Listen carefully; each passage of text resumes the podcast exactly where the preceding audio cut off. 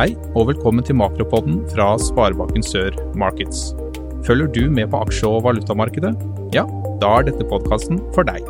Her får du et overblikk over hva som skjer rundt i verden, hvorfor det skjer, og hvilke konsekvenser det har.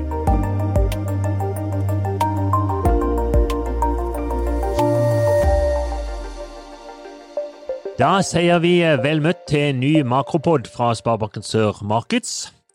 Nå skal vi snakke om eh, tre nøkkelår, og det som er det alt overskyggende, er året inflasjon.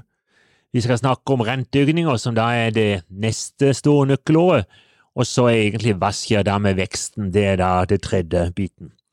Vi ser uh, hvordan flaskehalser dominerer, og hvordan det også bidrar til det som er det store kjerneordet i øyeblikket, nemlig inflasjon, og hvordan det dominerer renteforventningene både i USA, i Europa, i Norge og i resten av verden. Så skal vi se litt på den økonomiske situasjonen både her hjemme og i USA. Eh, så skal vi se på fortsatt på energikrisen som vi følger stadig, og som fortsatt er høy. Og så skal vi se litt på hva vi tror om den økonomiske utviklingen, hva vi tror om renteutviklingen de neste månedene, både her hjemme og i USA. Men la oss først begynne med energibiten og oljeprisen. Eh, oljeprisen eh, har jo bygd seg stadig vekk opp de siste ukene. I begynnelsen av juni fram mot eh, ca. 120 dollar, og så plutselig, den 22. juni, så faller det som en stein igjen. Det faller ca. 5 plutselig i løpet av noen få timer, og vi er nå nede på en oljepris på ca. 110 dollar. Eh, og det skyldes da at Joe Biden har eh, begynt å sagt han kanskje skal utsette en sånn avgiftsskatt på bensin.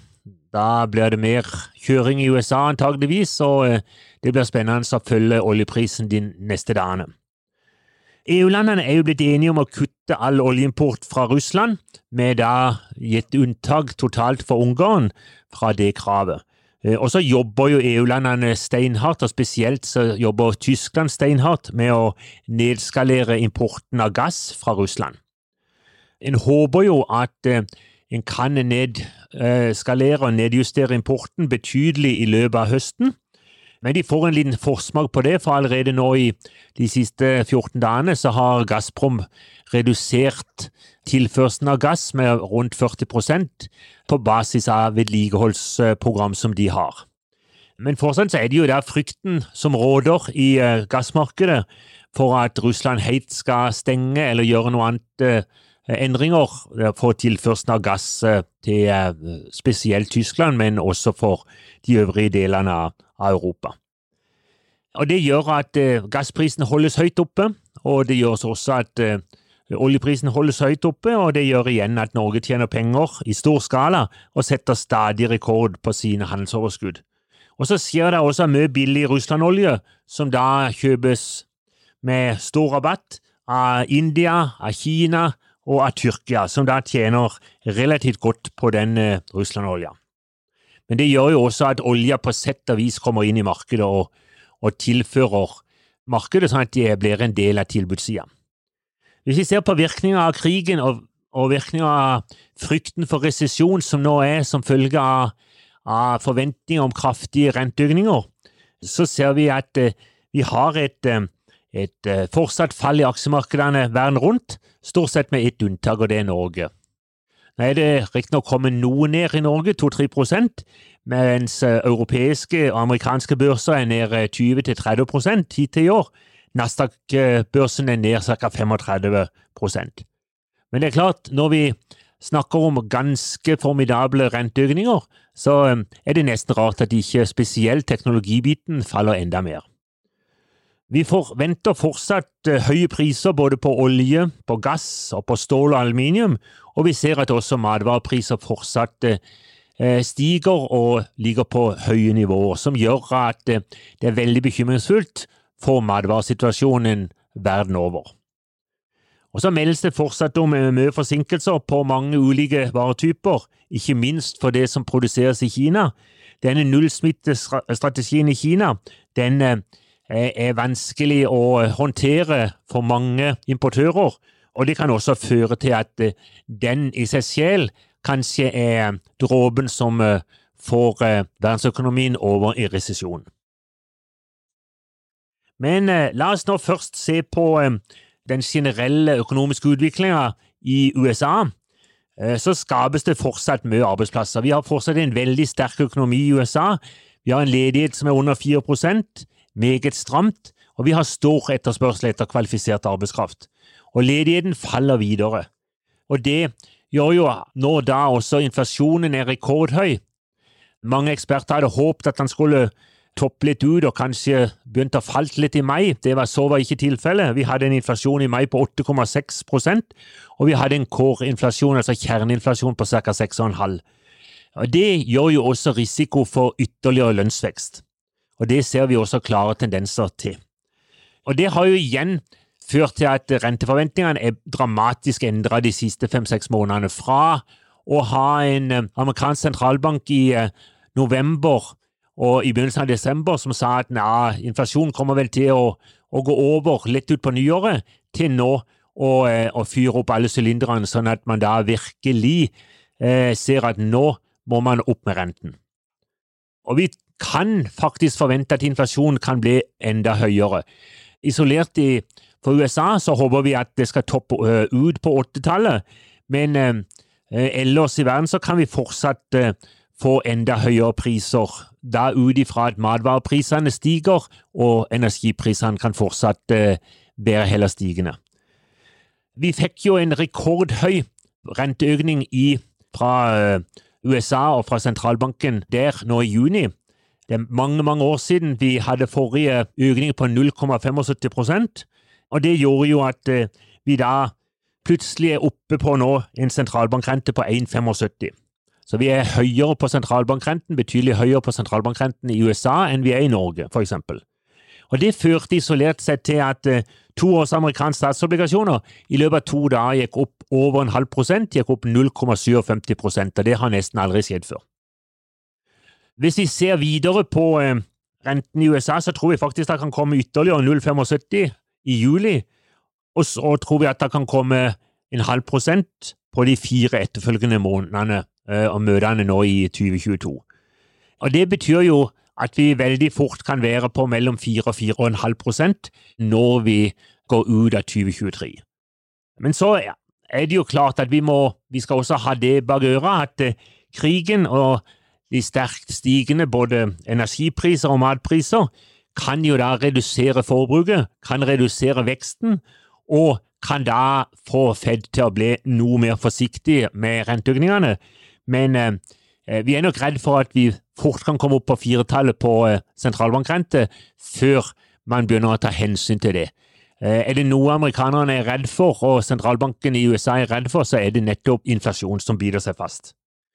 Så er man jo også da redd for en resesjon, altså negativ vekst, og det er jo det som eventuelt, hvis vi får tydelige signaler på det i månedene framover, som kan stoppe sentralbanken fra å levere så høye renteøkninger som vi nå eh, ser konturene av.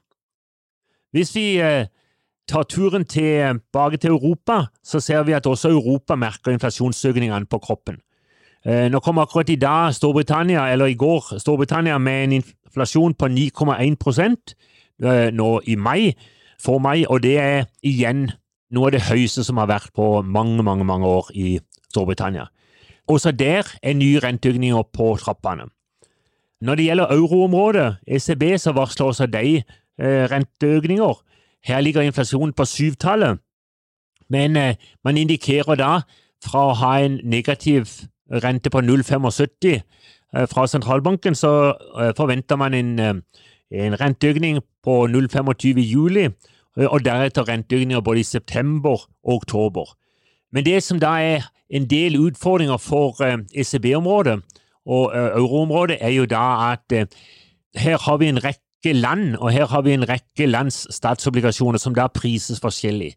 Så i øyeblikket så, så vi at, at uh, italienske statsobligasjoner plutselig gikk helt opp til 4% rente, mens uh, tyske statsobligasjoner ligger på 1% Så det er også en, en, en, kraftig utfordring for ECB når de nå skal liksom prøve å tune inn at de skal sette opp renten. Hvis vi da trekker til slutt tilbake til Norge, så ser vi jo da at arbeidsledigheten beveger seg nedover. Vi er nede på 1,7 prosent, som er noe av det laveste arbeidsledigheten vi har opplevd her til lands. Det er veldig stramt, og det er stor knapphet på kvalifisert arbeidskraft også her. Inflasjonen på rekordnivåer. Inflasjonen var på 5,7 prosent for mai, og kjerneinflasjonen var 3,4% Og det er klart det er rekordpriser på strøm, som også ventes å fortsette utover sommeren, eh, med det at det er såpass lite nedbør og såpass lite snøsmelting i fjellet som sådan.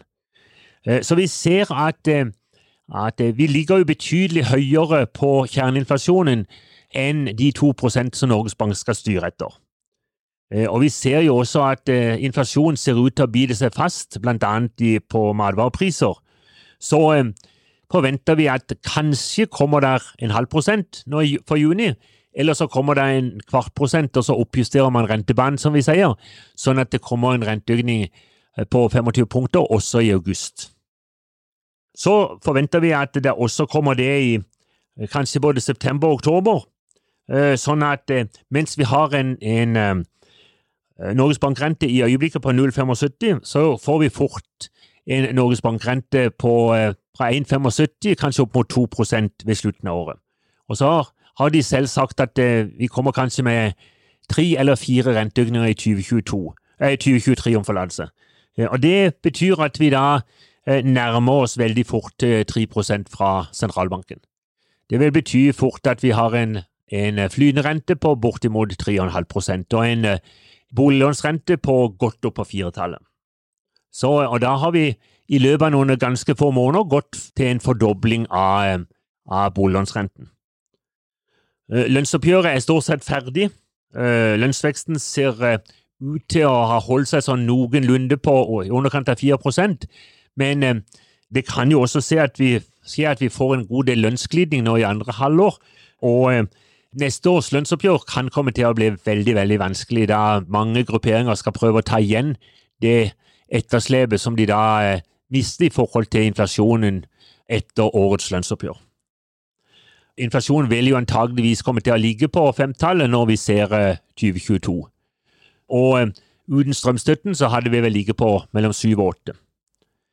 Eh, men for den norske stat så er det jo rekordhøye inntekter fra både til staten og kommunene fra strømprisene, og for staten fra olje- og gasseksporten.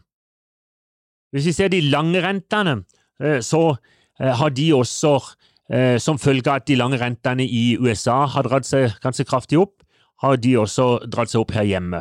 Så i øyeblikket så ligger både fem- og tiårsrenten rett under 3,50. Tre måneders Nibor ligger på rundt 1,50, eh, sånn at også den drives oppover nå av de renteøkningene som kommer fra sentralbanken. Så vi forventer jo egentlig at Eh, alle de kraftige renteøkningene i USA forhåpentligvis klarer å ta knekken på inflasjonen. Det er det som vil være øverst på agendaen til sentralbanken, og det er der det da blir spennende om vi klarer å ta knekken på inflasjonen, og ikke minst om de kraftige renteøkningene da vil føre til eh, at veksten da bra, og kanskje sågar går i negativ vekst, sånn at vi får en resesjon. Alt sammen vil avhenge av stramheten i arbeidsmarkedet hvordan inflasjonen vil gå videre, hvordan lønnsveksten kommer til å slå ut, og hvordan alt dette vil slå ut i forbruket, for å se om vi fortsatt holder en grei økonomisk vekst, eller vi skal få ytterligere utfordringer i eh, økonomien. Det var stort sett det vi hadde i, i uh, dagens makropod. og da, I dag har vi snakket om uh, at nøkkelordene er inflasjon, det er renteøkninger fra sentralbanken og hva skjer da med veksten? Vi så på hvordan inflasjon og flaskehalser dominerer renteforventninger både i USA, i Norge og resten av verden, og så så vi på hvordan den økonomiske situasjonen og hva vi tror den vil bli framover de neste månedene, både i USA, i Europa og her hjemme i Norge. Så så vi på energikrisen som fortsetter, og til slutt så vi på hva vi tror om den økonomiske utviklinga nå de nærmeste månedene, og ikke minst hva vi tror om renteutviklinga de nærmeste månedene, både ute og hjemme. Det var alt fra Makropodden i denne omgang. Dette var siste makropod før sommerferien, Så da eh, ønsker vi dere alle sammen en god ferie, og så eh, høres vi igjen uti august. Takk for oss. Du lyttet nettopp til Makropodden fra Sparebanken Sør Markets. Hver måned vil vi gi deg innsikt i hva som skjer i verden, samt hvordan det påvirker økonomien vår. Flere episoder finner du på sol.no slash makro.